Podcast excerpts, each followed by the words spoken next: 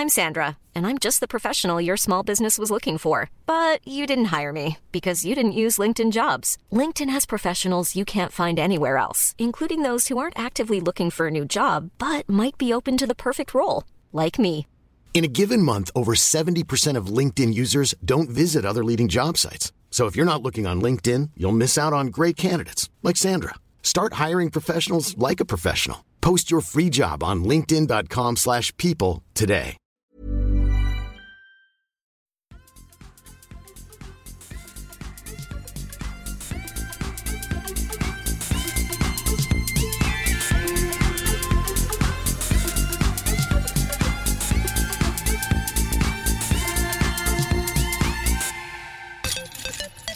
Sparkar vi igång avsnitt 209 av eh, podcasten som vi kallar för Kedja ut. Jag heter Tommy Bäcke, jag gör det här tillsammans med Niklas Nyman och idag även med en efterlängtad gäst. Konstigt att vi inte haft med honom tidigare, eller att han inte har hörts tidigare i en podd. Vad jag kan minnas i alla fall. Inte en svensk podd i alla fall. Ja, nej, jag har inte varit med i någon podd och det är jag som är Kimen Modig. Välkommen! Tackar, tackar. Det var på tiden ändå kan jag tycka. Ja, ja men det är roligt att få frågan. Alltså jag tror helt ärligt, och det är lite skämmigt, men jag tror faktiskt att innan vi startade podden, jag och Tommy, då gjorde vi en lista på potentiella gäster och jag tror att du fanns med på den listan eh, redan då. Och nu har vi hållit på i tre år och 209 avsnitt och vi har inte. Och nu först är du med. Så det, är lite Det kanske var en väldigt lång lista. Nej. Nej, det är det som är det värsta. Den var inte speciellt lång, men jag vet inte vart den är. Den, finns den kvar Tommy? Ja, någonstans finns den här på, på någon drive. Någonstans. Den ligger på driven någonstans. Ja. Men det, det som jag skäms mest över det är egentligen att Kymen var egentligen alltså den första svenska discgolfaren som jag kom i kontakt med, liksom, ut, som jag inte kände visste vem det var. Så. För när jag, när jag började spela discgolf, då var det liksom... Men, vet man vem Kymen är, har man spelat med Kymen, då, är- då är man någonting. Lite så. För har man liksom... Kymen var the one då i alla fall. Jag kommer ihåg första gången vi träffades. Och Jag var ju skitnervös. Ja, jo, jag kommer ihåg det. För då kom du upp med, med Willman. Och så fick han eh, introducera dig för Ja. mig. Och då stod det där bara. Ja, st- st- starstruck. Men det var ju som första, jag vet inte varför det var så, för det var ju som första, men det första namnet som men dök upp för mig som ändå var liksom, det var väl, Robin hade väl hypat dig säkert också, liksom. men det var ju du och, och Lasse liksom som man visste, alltså namnmässigt vilka det var som ändå var duktiga. Och som man visste hade, eller tävlade på hög nivå. Det kan ju också vara att jag hördes och syntes ganska mycket kanske också. Ja, men absolut, men en, Ja. ändå. Ja, Ni var ju fortfarande duktig. Ja. Och är fortfarande Ja. också. Men det, var, det, var så, det var därför jag tänkte att det, nu, det, det är lite pinsamt att det ta, har tagit så pass lång tid innan du, du faktiskt är med. På det. Men Ja, det ska ja. bli skitkul att få höra vad du har i pipen och vad du sysslar med och vad, hur tankarna går här framöver. ja, men jag förlåter dig. Du behöver inte vara orolig. Tack för det. När, alltså, när, när var det här i tid som ni träffades? Hur många år sedan är det? Åh, det måste ha varit... Det måste vara 2015 någon gång, tror jag. 14, Ja. 15. Ja, där någonstans måste det ha varit.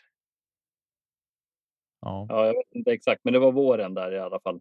På domarringen. Så det måste ha varit... Ja, domarringen. precis. Det var innan Röbo hade fått sin sida vet jag. Mm. Ja, ja, men det var där någonstans. Definitivt. Och spela någon gammal Mälartour-tävling. Mm, exakt. Vackert. Ja. Mm. Ja, härligt. Eh, ja, men jag tänker att vi, vi drar inte ut på det här så mycket, utan vi kastar in en jingel och så sen kör vi en liten faktaruta. Okej, Kimmen. Hur gammal har du blivit? Eh, 34 år. Det var väldigt ungt. Eh, vad jobbar du med? Nu kör jag heltid på min egen webbshop då, på kimmen.se. Härligt. Eh, vad är discgolf för dig?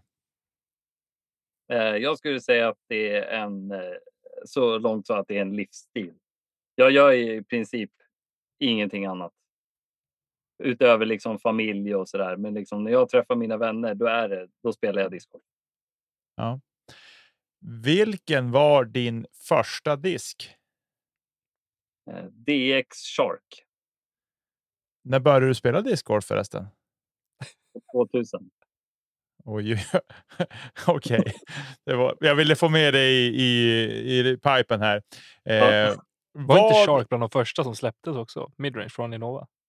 Ja, det, det kan det, Det OG Det är väldigt tidigt i alla fall. i alla fall. Mm. Ja.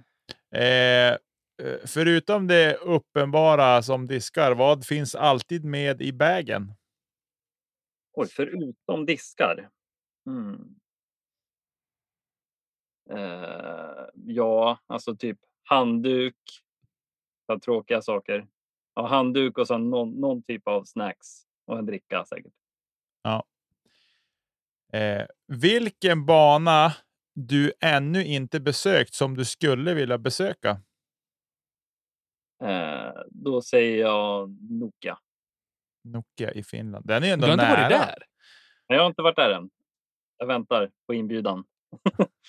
Det ser Den- man.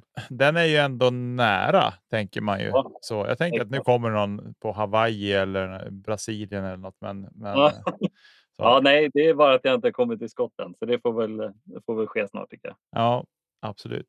Eh, om du bara fick besöka eh, den här meningsuppbyggnaden Tommy, den måste vi prata om. Om Men du bara fick besöka den banan genom att aldrig mer spela din hemmabana, skulle du då göra det? Och då måste jag fråga vilken ska jag räkna som min hemmabana? Den som är geografiskt närmast eller den som jag spelar mest på? Ultuna räknar vi. Ultuna. Ja, Ja, det var eh, oj, oj, oj, oj. vad elakt. Ja, nej, men då skulle jag, jag skulle inte offra Ultuna. Nej. Då kan jag åka till Tampere istället. Ja. den är så Men det är dålig den. förståeligt. Alltså, Ultuna är så älskvärd bana. Jag, eh, Ja. det, jag är så ledsen att det är så länge sedan man spelade. För jag, jag tycker verkligen om Ultuna jätte- jättemycket. Men det är så... Jag vet inte varför det går så lång tid emellan att man passerar Uppsala. Det borde inte göra det. Nej, men du är välkommen. Tack, känns tryggt. Mm. Men vad är det som gör att Uppsala... Alltså, jag tycker ju både Domarringen, Röbo och även Ultuna är eh, fantastiskt trevliga banor på sina egna vis. Vad är det som... Ni var ju ganska tidiga ändå med att ha två banor som ändå kompletterar varandra väldigt bra på det sättet att man är en lite kortare teknisk bana och så en längre tävlingsbana som, eh, som passar även eliten på det sättet. Liksom. Vad är det som gör att Uppsala var ganska tidig och med den typen av kombination? Ja, jag tror att eh, alltså klubben i sig är ju väldigt eh, gammal. Jag skulle, kan inte säga årtal, men det är slutet 70-tal, början 80-tal. Liksom. Så det är att Ultuna, den har ju funnits då väldigt länge och sen när domarringen kom till typ så här 99. Då, det var ju en kommun, kommunens initiativ så att säga. Mm. Och då det behövdes en som var mera liksom, centralt och så var det en perfekta vid en skola och så där. Ja, och sen har vi ju fått nu Röbo för några år sedan som är i anslutning till domarringen och sen har det ploppat upp massa banor. Vi har väl en eh, sex, fem eller sex banor nu i Uppsala, varierande längder och svårigheter. Kul ändå. Mm. Så det finns banor för alla i Uppsala. Det är bra. Är det Lasse som är upphovsmannen till de flesta eller? Ja, typ alla. Typ alla. Ja. Det är jävligt skönt att ha Lasse i Uppsala just för att han kan liksom han, han vet ju redan hur allting går till med kontakt med kommuner och vidare. Liksom. Så det, det blir ganska lätt för honom. Mycket gratis på vägen så att säga. Tack. Ja, men fint. Du, det var faktarutan och eh, du får med bravur godkänt på den om man nu kunde få ett betyg eh, på den. Eh, men eh, vi kastar oss rakt på nästa del, spelarkarriären. Tommy, ta vid lite. Men jag tänker så här, jag fick eh, liksom höra visst att du var en jätteduktig discgolfare från början. Sen kom det ju fram att du också var rätt duktig i Ultimate. Ja, det är där jag har. Jag skulle säga att jag började spela en eh, två, tre år discgolf och sen gick jag över helt till ultimaten. Mhm. Det var väl mer för att då var ju jag då eh, 13, 14 och saknade lagsporten. Så då gick jag över till ultimate och fick liksom tillbaka det. Och där är det ju väldigt mycket det är helt annorlunda träning där jämfört med discgolf. Du behöver inte springa backintervaller direkt för att bli en duktig discgolfare. Men det var ju, det var mycket, mycket intervaller och just att det är så snabbt tempo och ändå liksom fortfarande kasta frisbee och det var det jag gillade. Så då, det var ju väldigt roligt att komma över till Ultimaten och där gick det ju också. Ja, det gick ju väldigt bra. Jag har varit med i både juniorlandslag och openlandslag och eh, vunnit massa SM-medaljer, både med silver och guld. Och vi körde väl, var väl samma lag i final i typ fyra år i rad. Så vann man lite så här varannan gång. så det, ja, jag har några medaljer. Om man jämför alltså Ultimate och med discgolf då på den tiden, eller på den tiden, början 2000-tal och nu, hur står de sig mot varandra storleksmässigt? För oss som inte har hundra koll på Ultimate, tänker jag. Ja, alltså förut var discgolfen har alltid varit störst, men nu är det ju hästlängder emellan. Mm. Så det, det finns ju, jag skulle säga att det kanske finns 200-300 aktiva Ultimate-spelare i Sverige kanske. Om jag inte... Det är inte är, mer ändå? Alltså. Nej, det är, det är, inte många. Alltså det, det, på turneringar då kanske det är liksom 10 15 svenska lag i princip.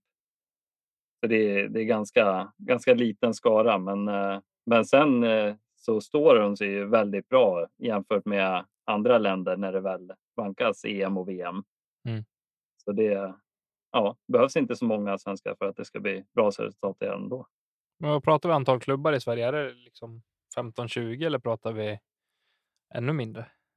Ja, där någonstans. Det är inte många klubbar som kör både Ultimate och discgolf till exempel. Det gör ju bland mm. annat Uppsala, men det är, det är nog väldigt få.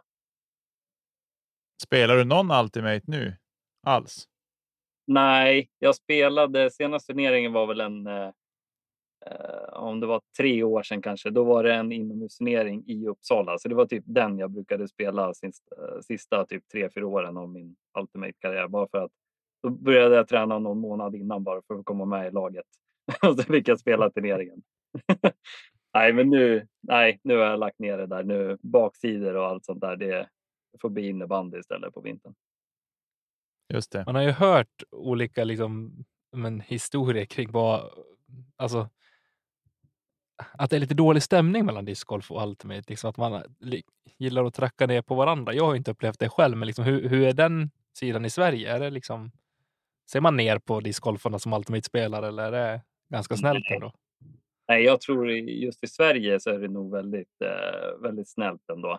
Det kan ju vara, jag vet att det var lite rivalitet in i Uppsala till exempel för ja, men där någonstans när jag gick över till Ultimaten. Mm. För då var det så här, både att ja, ska ni sno ska ni sno han över till eran sport? Typ så. Och sen var det, ja, men det var samma som pratade om Oskar Stenfeldt ett tag, om han också skulle få testa på Ultimaten och då blev det typ att discgolfarna ryckte tillbaka honom. Nej, du, du ska vara på den här sidan. förlorat en liksom, typ så. Men annars så tror jag inte det är något sånt. Många spelar ju, många Ultimate-spelare spelar ju discgolf också. Okay. Inte på någon seriös nivå utan mer för att det är, det är roligt. Liksom. Vad var det som fick dig att kliva på discgolf eh, sen ändå och eh, avsluta Ultimate-karriären? Ja, då blev det ju motsatt. Att då saknade jag att kunna bestämma själv vad, hur bra jag ska prestera. Det spelar ingen roll hur många backintervaller man gör. Har inte alla laget gjort det så kan man ju ändå förlora matchen. Mm. Så då blev det mer att nej, men nu vill jag vara individuell igen, för nu kan jag bara skylla på mig själv om, om det inte går bra. Så jag har alltid egna händer så att säga. Och sen var det skönt att just slippa slippa intervaller och ja, och så där också.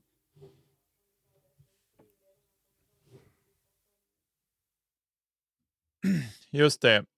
Eh, men eh, övergången till discgolf då, hur var, hur var den? Ja, den är, den är svår när det gäller längre forehandkast. Kan jag säga. Det är det jobbigaste det, en, det blir en helt annan teknik tycker jag när man går från att kasta en ultimate disk till en väldigt snabb driver till exempel. Hur, gör, alltså, hur kastar man ens en ultimate? Det, jag har aldrig riktigt fått grepp om det där. Jag har försökt flera gånger, men det går ju som inte. Den är, det finns ju som ingenting att hålla i. Det är som att hålla i en pappersark som är lite skålat bara. Det är ju helt hopplöst. Hur gör, hur gör man? Ja, alltså man håller i princip samma grepp. Det är bara att liksom, du kan inte ta i någonting. Tar du i för mycket, ja, men då, då flippar den så att säga. Så du måste ju sätta, lägga heiser och lägga mycket spinn. Och sen de här kortare passarna, då är det ju väldigt mycket finkänsla och nos upp passningar liksom så, här, så att säga. Så det, ja, jag tycker det, det är helt annorlunda, men båda har, har sin charm så att säga. Vad är Ja. mest likt från Ultimate i discgolf kastmässigt? Liksom, vad, vad känner du att nu har jag verkligen nytta av att jag har spelat Ultimate? I vilken situation på discgolfbanan? Ja, mina inspel. Alltså jag puttar ju inte när jag går utanför typ 12 meter, utan då forehandputtar jag. Jag försöker ju, eh, jag lägger en forehand anheuser med berg och försöker att sätta den. Och just för att det är en berg så går den ju inte längre än vad jag ger den kraft. Mm. Så där tycker jag det är jättefördel att våga runna sådana liksom, distanser ända upp till kanske 30 meter. Jag vet att jag kommer inte få någon längre retur. Jag säger det Nicke, det är en berg som krävs. Ja, men berg är till för de som har dålig touch. Tydligen inte. Det har alltid varit mitt svar varför inte jag har någon berg. Jag har tillräckligt bra touch för att kunna kasta diskar med glid. Ja. Eh, ja, nej. nej, men jag tycker att det är roligt. Man har sett då du har spelat och sen även vad heter han Johan Åslund.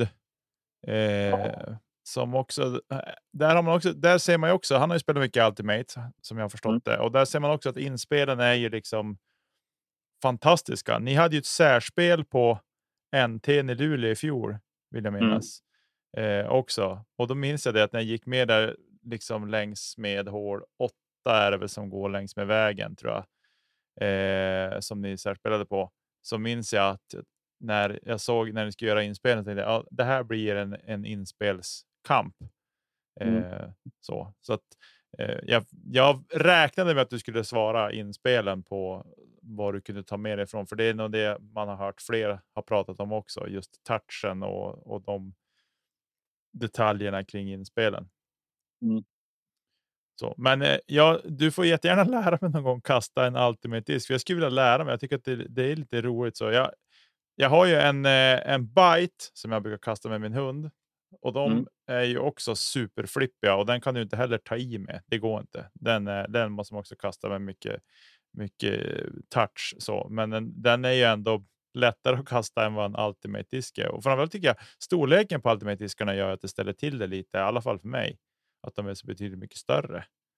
Eh, Ja. Men det vore Det kul att lära sig. Ja, men det är helt klart en vanesak att kasta en ultimate disk mot en eh, discgolfdisk. Liksom. Vad Mm. pratar Det- vi för vikt på dem? Är det, Det är- 110 gram eller? Nej, det är 175. På Ultimate? Ja. Åh fasen. Men det, det känns liksom inte på samma sätt eftersom den är så mycket större i diameter. Ja. Jag fattar. Man är ju inte, man är, jag har suttit och tittat en del på Ultimate eh, från USA, och framförallt när man upptäckte vem Brody Smith var, bland annat så här, från hans storhetstid. Liksom. Men det är ju riktigt sjuka kast som görs, liksom, eh, riktigt långa kast som görs. Jag fattar att disken har bra glid, men just att få den att sväva iväg så långt som de gör med ingen kraft alls. Liksom. Mm. Och så ju- precision på det också. Och sen Ja. ska de kunna ta den innan den går ut och samtidigt har du försvararen i ryggen. Och det, ja. det är det som är det roliga med Ultimate, att det, det händer väldigt mycket. Ja. Precis. Ja, det är häftigt. Det är en häftig sport måste jag ändå säga. Det är synd att den är så liten som den är i Sverige. För jag tycker Mm. att den är, den är ju otroligt häftig att se på. Men det är väl just det. Se på de som kan kontra spela själv så kan man ganska snabbt döda intresset när man inte kan det lika bra heller. Tänker jag. Det kan bli den grejen som tar över.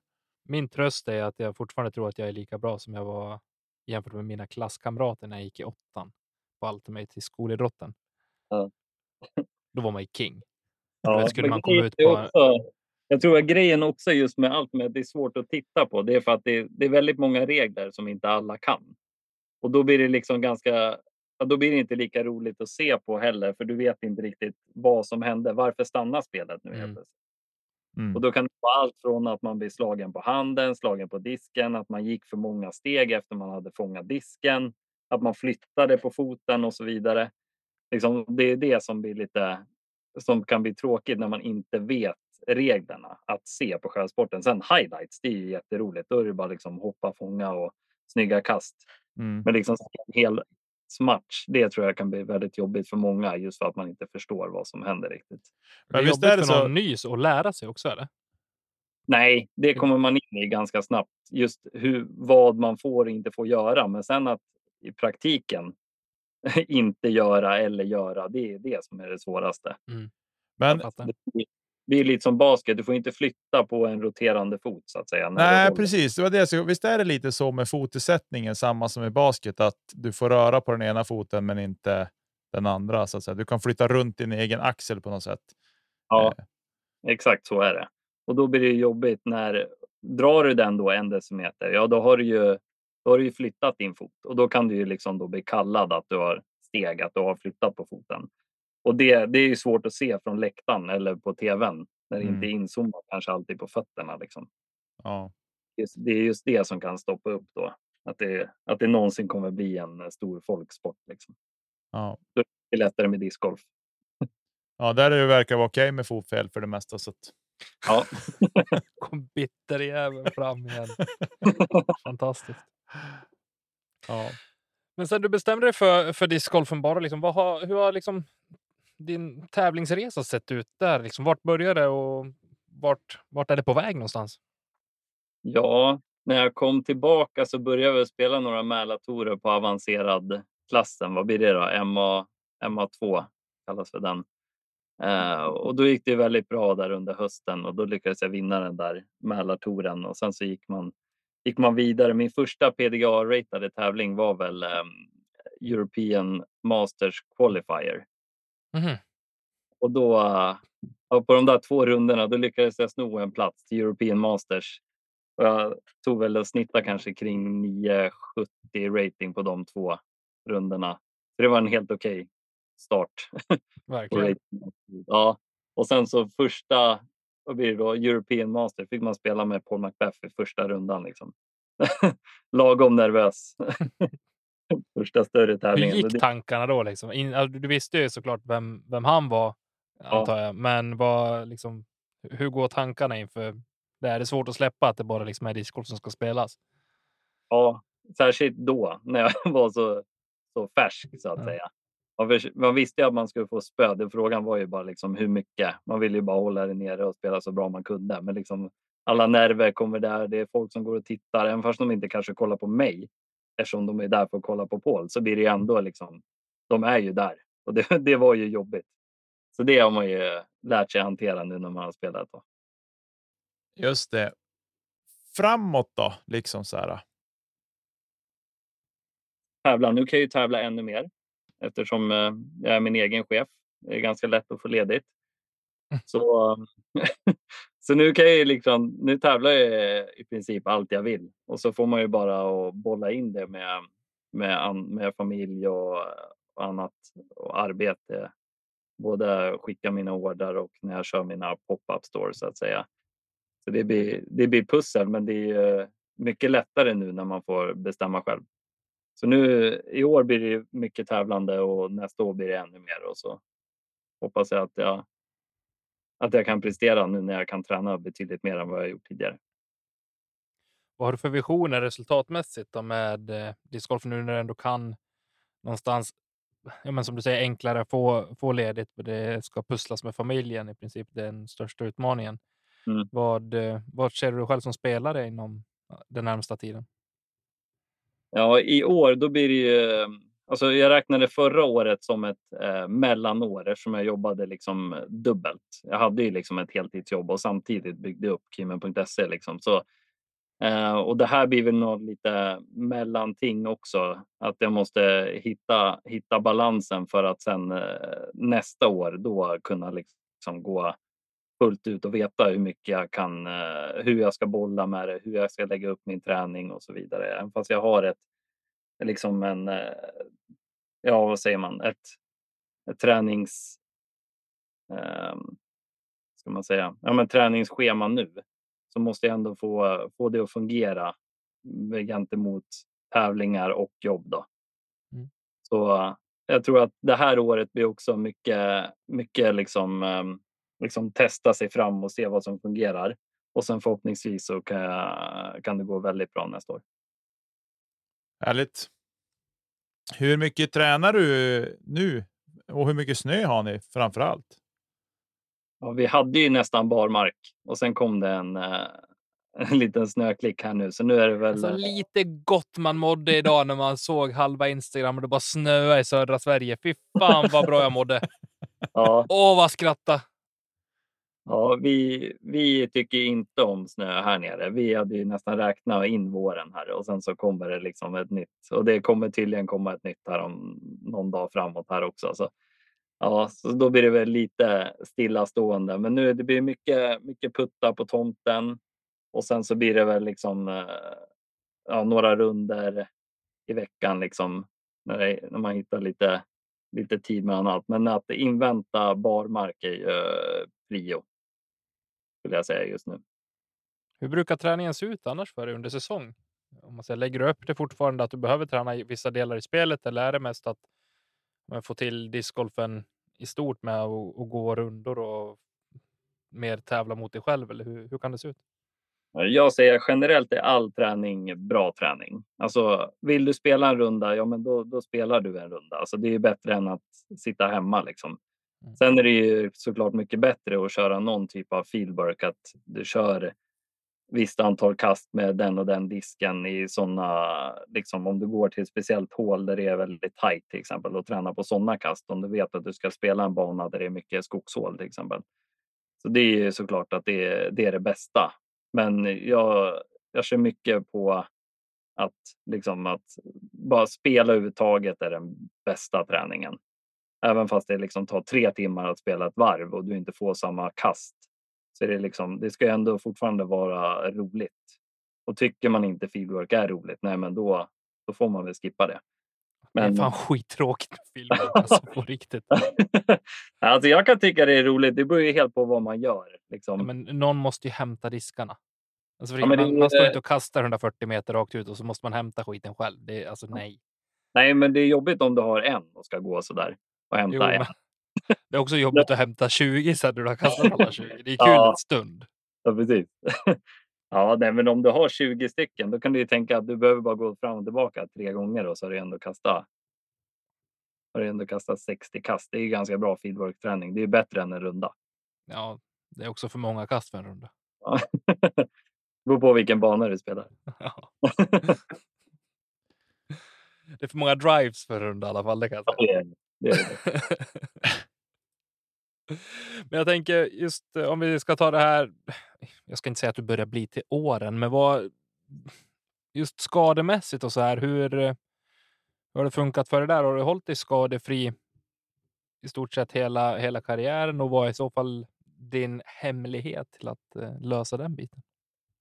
Ja, alltså om man går tillbaka till Ultimate-sidan, där var det mycket fotleder som, eh, som uh, twistades hit och dit. Varenda upphopp, då kan du inte kanske tänka på hur du ska landa, utan fokus mm. var ju på disken. Sen kan ju någon komma och dutta till en i ryggen eller sidan eller vad. Då, då, blir det, då landar man som man landar.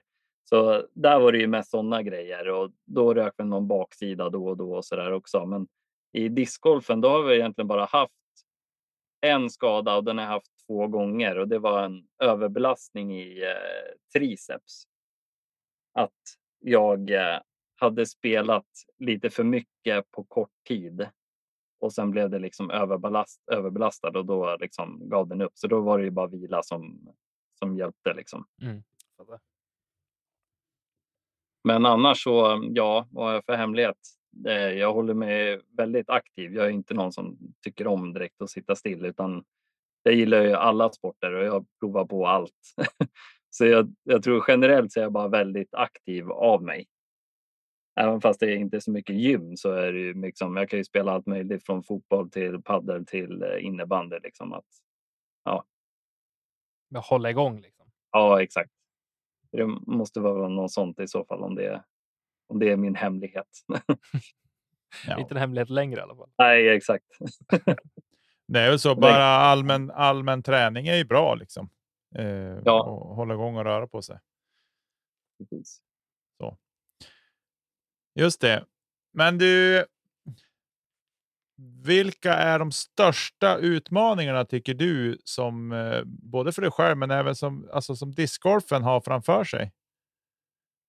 Oj. Uh, ja, men för mig själv, då måste det ju vara...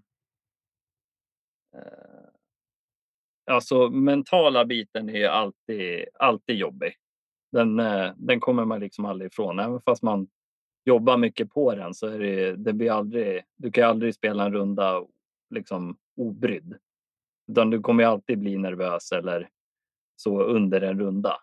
Så det, även fast det liksom, ja, blir bättre med åren så kommer den alltid vara med på något, på något sätt. Liksom.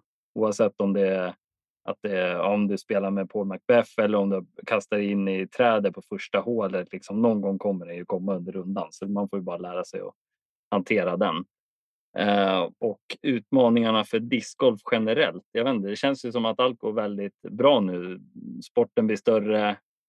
Eh, de största spelarna sitter på monsterkontrakt som de inte gjorde för några år sedan. Så liksom, det känns ju som att det bara går uppåt just nu. Vad tror du om vi, om vi komprimerar till svensk discgolf? Då? Vad har svensk discgolf för utmaningar för att hänga med? Uh, ja, det är just för att det, ja, det finns ju för det första liksom inte samma, samma pengar här som i USA. Oavsett om det är kontrakt eller om det bara är liksom pengar för att lägga in för att det ska liksom sändas på tv till exempel. Mm. Det, jag tror liksom där är det mycket som hänger, även fast det finns mycket utöver det här. Men allting sker i USA. Liksom det är att alla europeiska proffsen åker till USA för en anledning. Liksom, det är där det är störst. Och liksom, det är svårt att hålla, även hålla kvar de bästa så att säga här. För det finns inget som liksom riktigt lockar dem här egentligen. Nej, men sen den breda massan kvalitetsmässigt finns ju där också. Ju fler som drar sig dit, desto fler kommer ju vilja dit också. Ja, exakt. Det spelar ingen roll om vi får över två eller tre amerikaner som är liksom second best eh, segment som kommer över till Europa någon gång per år när alla, alltså den stora klumpen och den stora massan med kvalitet fortfarande är kvar. Nej, precis. Jag, jag, vet inte, jag har ganska svårt att se hur vi ska komma ifatt på, på den biten. Men liksom att spelare från Europa ska kunna hävda sig i, borta i USA, det verkar inte vara något problem.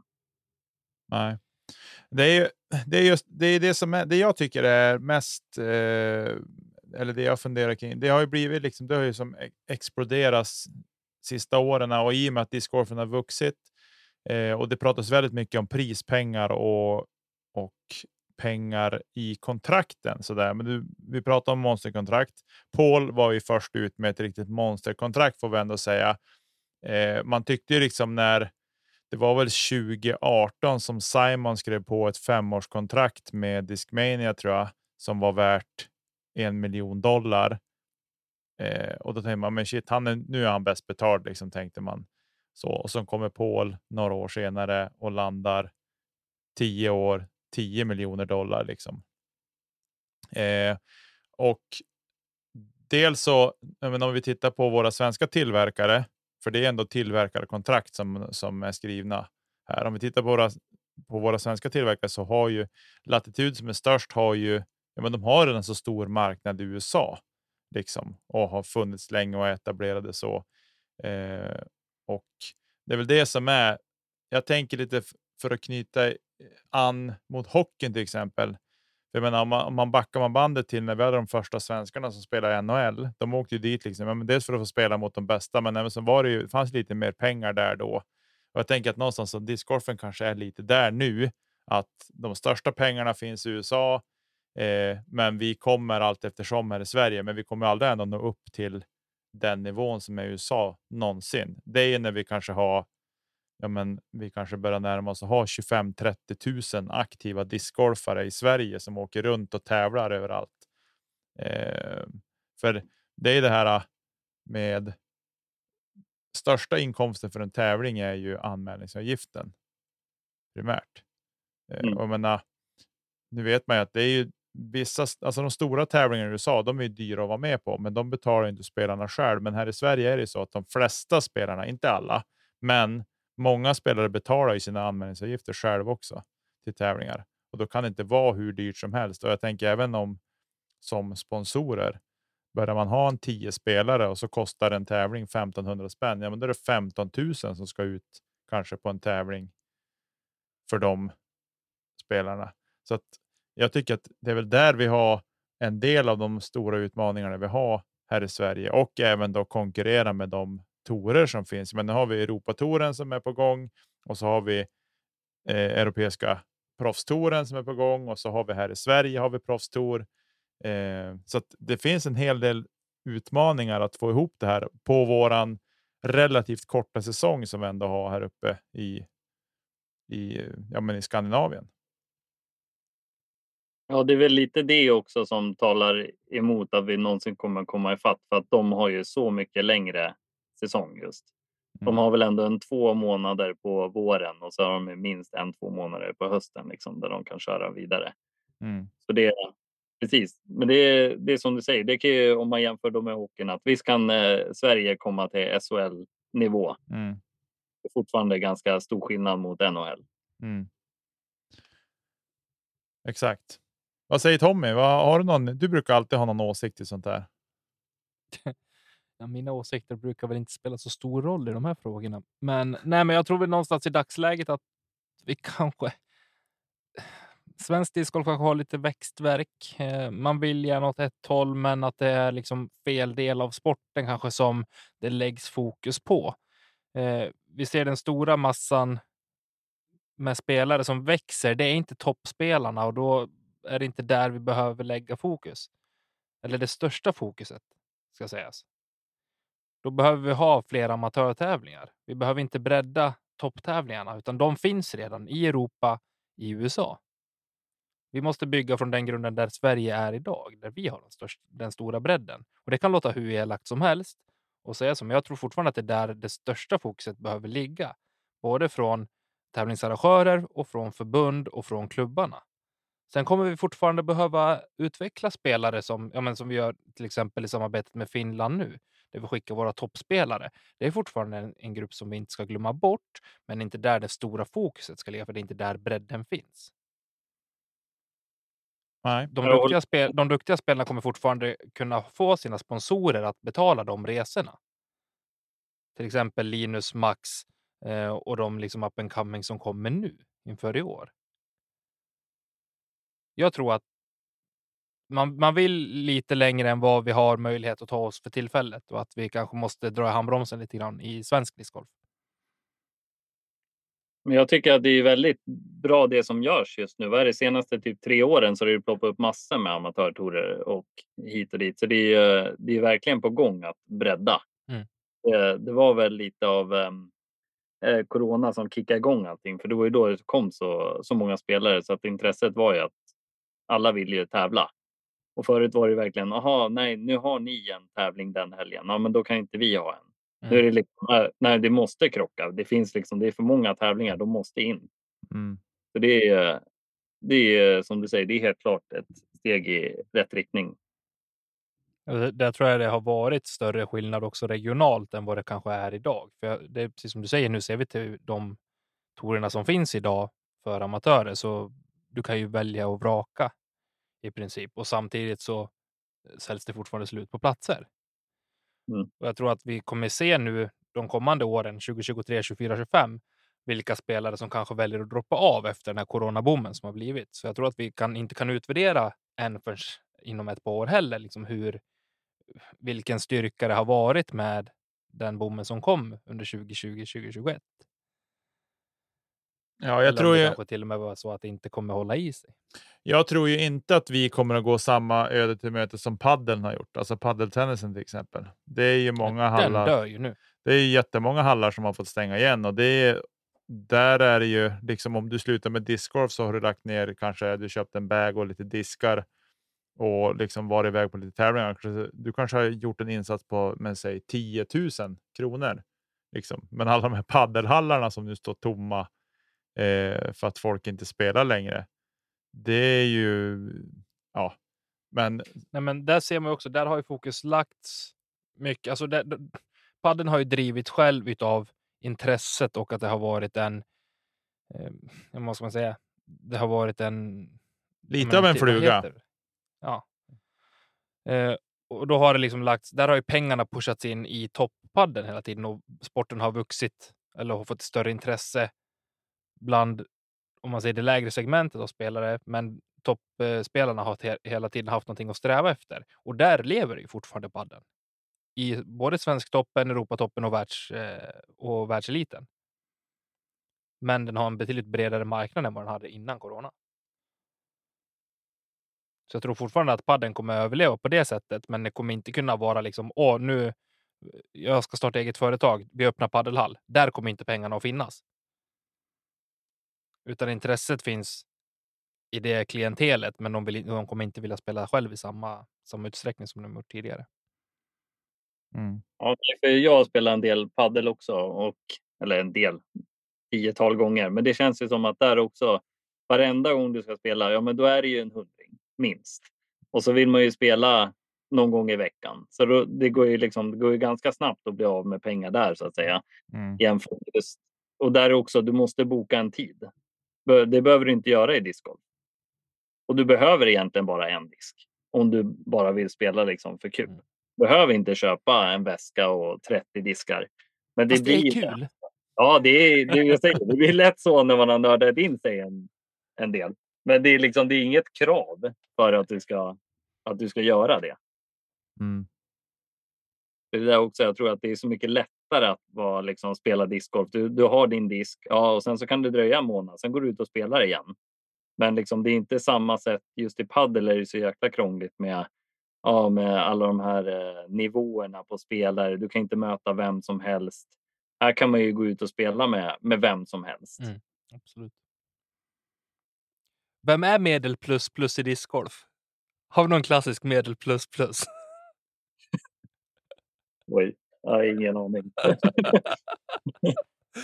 det måste vi komma underfund med under säsongen. Vem är svensk discgolfs medel plus plus? Och vad är det i rating? Översatt i rating? Ja, jag har ingen aning. Alltså helt ärligt, jag skulle säga att Ska vi Tommy prata Bäcke. typ 9, 9, 970 kanske? 975? Är det medel plus plus? Jag tror det. Mm. Fast det Ja. kanske är lågt. Det kanske är högre ändå. Jag vet inte. Vad Skitsvårt. är, där. medel, vad är medel plus plus då i siffror? För de kör väl 1 till 10? Jag har ingen aning. Det känns som att annars hade det varit lite högt att medel plus plus är 970. Jag säger att det är Tommy Bäcke-nivå, säger jag. Medel plus plus. Ja. Vad Behöver man inte vara bättre än mig i discgolf för att vara medel Vad har du? plus plus i 940? Du 945? vet, Då ska jag byta karriär, det kan jag säga. Vad har du? 940, 945? Ja, 45. Ja. Mm. Där fick vi svaret på frågan då. Tommy Bäcke är normen. Hela plus plus. 10 sekunder sedan. Ja. En ny Instagram-bio. Ja. Ja. Nej, men du Kim, innan vi studsar vidare här. Vad ser du mest fram emot eh, säsongen 2023? Eh, spelmässigt så, um, och tävlingsmässigt ser jag fram emot um, Konopisten. Det var, um, jag var där 20, oh, måste jag tänka, 2017 eller 2018 senast. Jag har varit där två gånger och jag, jag, jag älskar den banan. Så det, den ser jag mest fram emot att komma tillbaka till. Men om jag får flika in så mest för 2023 det är att eh, jag ska gifta mig. Så det, det är ändå mål, alltså toppen av 2023. Får vi gratulera så vänligt? Tackar, tackar. så det är väl eh, piken. Men ut, eh, det som kommer då två efter det, det är väl att åka till Konopisten. Det önskade faktiskt jag mig, eller det har jag sagt att jag vill önska mig i 30-årspresent att få åka till Konopiste. Men det är svårt för någon annan att överraska mig med en anmälan dit. Ja. Så vi får se. Du kan alltid hänga med ändå. Det finns ju dagar innan man kan spela banan. Jag vet, men det är inget kul. Jag behöver ju tävla. Det är det. Nej, men det hade varit kul. Det, det är en bana. Jag håller med dig. Jag förstår varför man resonerar som du gör också, för det är en, en bana som ser otroligt vacker ut. Och på tv också, och vad man hör från spelare som har varit där, så är ju Frans Ferdinand en eh, otroligt härlig bana att få, få spela discgolf på. Ja, den är både lång och tuff och, och fin. Och just för att det var så länge sedan jag var där så vill jag se mot mig själv hur mycket bättre jag har blivit sedan jag var där sist. Är det liksom, eh, ser du den banan, är det en bra värdemätare ändå för att liksom se vilka delar i en spel som har utvecklats och som fortfarande behöver utvecklas? Ja, skulle jag säga, för den är ju väldigt, alltså det, det är inte så stor variation på Kondopisterbanan egentligen. Den är Nej. bara, det är mycket långt. Ja. Visst, det kanske jag har lärt mig att kasta längre än vad jag var där senast, men det är väl mest bara att liksom vissa, vissa banor vill man, eh, vill man se hur mycket bättre man kan spela nu mot vad man gjorde för några år sedan. Liksom. Och då är just den här, det är ingen bana man kan liksom åka till över dagen. Och, utan det, är- det är ett litet mission att åka dit. Så det var just, just det, därför jag la till den, den meningen där. Att det är liksom roligt att se om det har hänt någon utveckling. Härligt. Du, vi ska studsa vidare och prata lite eh, om ditt företag och så. Spännande. Du lämnar ju ditt eh, vanliga 8-17 arbete, eller vad säger man? 9 to 5. Ditt vanliga arbete i alla fall för att ja, men börja satsa 100 på, på Kymen.se. Vi har berört det lite grann här i avsnittet tidigare. Vad, liksom, hur har resan sett ut från, eh, från att du startade den pucken så att säga? Ja, alltså det startade ju ehm, i mars förra året och jag har ju då jobbat dubbelt fram till eh, förra veckan. Eh, och det har ju varit, det blir, ju- det blir liksom jobba när man kommer hem och så jobba innan man åker iväg till jobbet. Det blir liksom mycket. Men eh, det är helt klart varit värt det nu när jag får resultatet av kakan, liksom att kunna liksom köra på det heltid.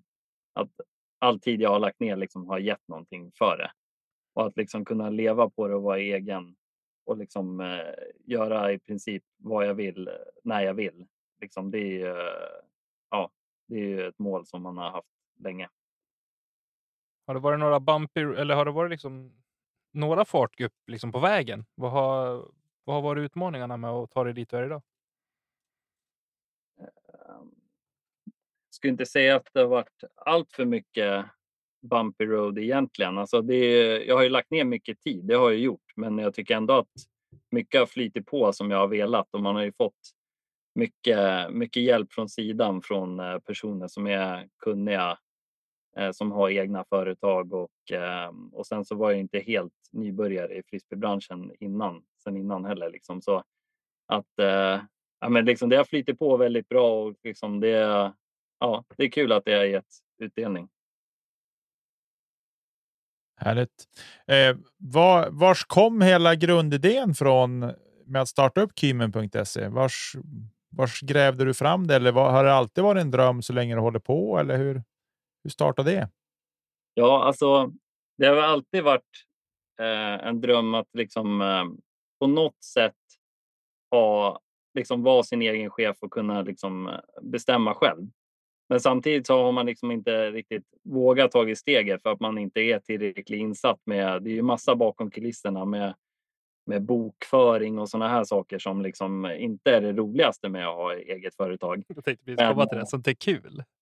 Ja, nej, sånt är inte roligt. Men det finns ju sådana som tycker det är roligt och det är perfekt att man kan betala dem för att hjälpa till med sådana saker man själv tycker är tråkigt. så eh, ja, men sen så blev det att när jag har mina egna tårdiskar att liksom, eh, det var väl där det började. Att varför ska jag inte kunna ha liksom ett eget företag för att kunna ta större del av kakan själv? Och liksom då kunna som, till början liksom att betala mina tävlingar och liksom både resor och anmälningsavgifter och allt sånt där. Och sen efter ett tag ehm, då liksom kunna ta in andra märken och så vanliga stockdiskar så att säga. Det, är liksom, det i princip växte fram. Det var, inte, det var inte grundtanken från början, men att det kunde ju ligga och rota där att det kan ju hända i framtiden. Men det hände betydligt snabbare än vad jag hade tänkt och det var ju bara roligt att det, att det gick att göra så, så snabbt. Mm. Ja, du blir ju alla tillverkares drömspelare eller alla arrangörers drömspelare då du har eget företag som kan fakturera tävlingsavgiften bara. Japp, och det har jag fått höra från, eh, från en av eh, tourkillarna att det måste man väl mer eller mindre ha numera enligt han i alla fall. Ehm, och ja, det är ju skönt att kunna göra så och slippa eh, allt det här med, alltså, han måste ju, den personen måste ju då skicka in andra papper till Skatteverket och sånt där. Det blir allt mycket lättare och det blir samtidigt mera pengar till mig som då jag kan välja om jag vill ta ut som lön eller inte. Mm. Är en annan aspekt av det. Precis. Ja, men du, hur ser framtiden ut? Om du får dels drömma lite, men liksom vad som ligger närmast i pipen just kring företagandet. Det kan inte vara så kul att ha AV med sig själv, tänker jag. Så här, ska du anställa någonting? Eller? Eh, jag, vi har ju, jag och sambon är, har ju, är ju faktiskt delägare, så det kan ju bli en roligare AV. Då, då är det okej AV ändå. Ja, då är det en okej AV. Ja. Men eh, visst, i framtiden, då ska man ju definitivt kunna, kunna anställa någon eller flera. Så liksom jag, det är inte så att jag kommer nöja mig med att vara, vara ensam så att säga. Utan eh, det kommer ju komma in så småningom eh, fler. Men eh, samtidigt har jag väl inte, alltså, eftersom jag har gjort allting från grunden så vill jag liksom fortsätta med det. Jag behöver inte skynda mig så att säga. Utan jag, eh, jag trampar på i min egen takt och sen så gör jag det så bra som möjligt och lägger liksom en stabil grund. Och sen så, så kommer det komma när, det, när jag är redo. Mm. Hur, är, hur stor är drömmen kring att ha en egen bana, en, en egen discgolfanläggning? Ja, den har man ju tänkt på några gånger, men det är väldigt mycket jobb också med att ha en bana. Det är nog nästan mer jobb än att ha en webbshop. Just för att eh, väldigt mycket som ska fixas. Men alltså visst hade det varit roligt, men det är väl inte min, eh, min huvuddröm så att säga. Men eh, att ha en bana som heter Kymens discgolfbana, det hade ju varit ganska Ja, det, det tycker jag. Det, lå, det låter rätt häftigt faktiskt. Det får jag ändå säga. Grymt. Jag tänker att innan vi säger tack för idag så ska vi lura in lite lyssnarfrågor Mm. eh, som har kommit in. Du har ju fått tagit del av dem och fuskat lite till skillnad från våra andra gäster. Ja. Men eh, vi kan väl börja med Disc Golf Amateur. Han eh, frågar vilken är din dyraste disk sett till värde idag? Och det här är lite kul i och med att du är sponsrad av kanske andrahandsmarknadens eh, lejon i form av kastaplast. Mm. Eh, men jag har ju ingen kvar faktiskt. Är det Som så? jag har, de first rounds jag har kvar, det är de som jag har i vägen. Så eh, jag sålde faktiskt av allting här under, under vintern. Och eh, ja, det var ju en K2 Berg som var den absolut dyraste jag hade i alla fall. Mm. Men eh, den sålde jag var det, ja, för två, ja, ett och ett halvt år sedan i alla fall. Men, ehm, men i vintras så såldes ju en likadan för 40 000 kronor. Så det var väl min dyraste jag ägde förut i alla fall. Nicke, det gillar vi. Det är, helt, alltså det är på riktigt. Det är på riktigt helt stört. Ja, för den kostar inte riktigt så mycket att tillverka om man säger att den kostade 169 att köpa från början. Liksom.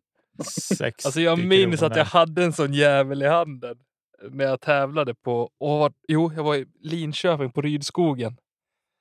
Kastade en sån på hål 18, vet jag. En K2 Berg First Run.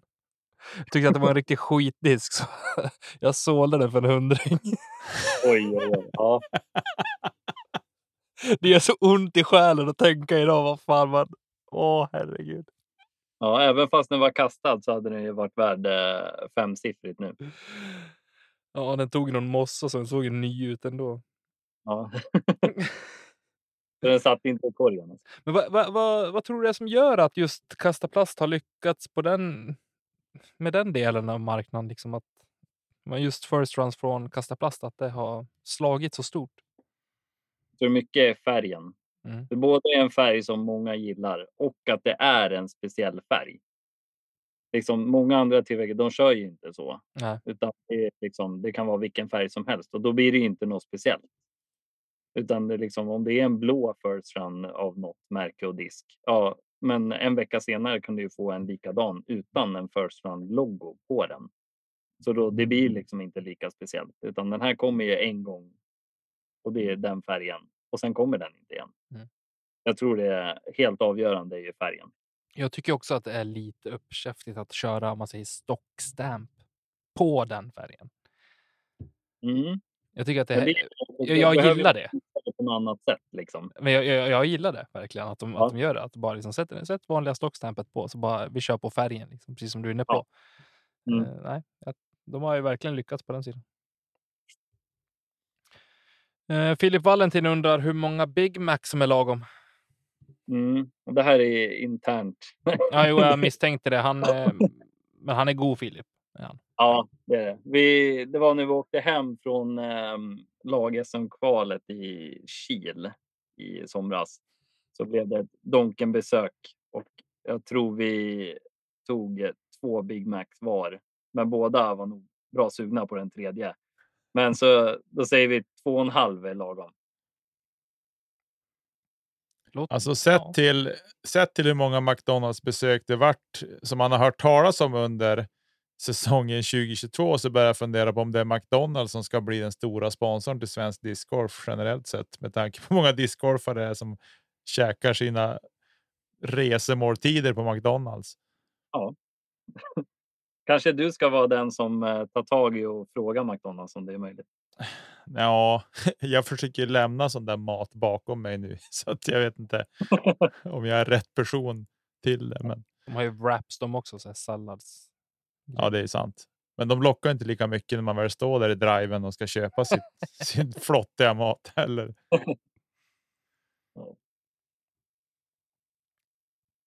Ja, har vi några fler lyssnarfrågor Tommy? Ja, här har vi en till. Från eh, Lule, Lule Martin O. Vad är det som gör att du är så bra på frisbeegolf? Ja, jag har spelat väldigt länge så um, brukar säga det till andra när man spelar med um, de som är lite färskare och säger men gud, hur kan det vara liksom sådär? Och då blir jag, ja, men jag måste ju ha en minst 18 års försprång på dig liksom. Så det, så det är nog bara att jag, jag har ju spelat väldigt länge så då, då är det ganska lätt att kunna kasta en disk ganska bra. Träning med andra ord. Ja, det var, det var dem som vi hade. Tänker jag. Är det någonting vi har missat nu? Nicke, Kymen? Ja, det var ju Heiser-VM i helgen. Ja, men det nämna. skiter vi. Gannon vann såg jag. Ja, en vanlig A-tier. Det, sånt drar vi inte. Så länge det inte har hänt i Sverige, då kan vi lägga lite fokus på det. Ja. Nej, jag har inget mer som jag behöver förtälja den här veckan. Vill du säga någonting i avslutningen här Kimmen? Eh, nej, jag vill väl bara tacka för att jag fick vara med. Det kan jag avsluta med. Ja. Det var trevligt. Det, det var det verkligen. Eh, kul att du äntligen eh, tackade ja. Ja. Lägga och lurat nu i tre år. Ja, exakt. Men det var ju den där listan på 200 personer som var före mig. Grymt. Nej, men vi eh, hoppas att eh, lyssnarna gillar det lika mycket som vi. För det är alltid lika trevligt att surra med dig Kymen, det ska du veta. Tack att du ställde upp och var med. Tack till alla som lyssnar och tack till alla våra patreons. Ni är eh, fantastiska på alla sätt och vis. Tack till Emil och eh, Marcus för vignetter, jinglar och eh, grafik. Och vad gör vi inte till nästa vecka Kymen? Vi kastar inte Ingen aning vad det kedja ut. Jaha, Tack för att du lyssnar. Puss på er. Ha det bra.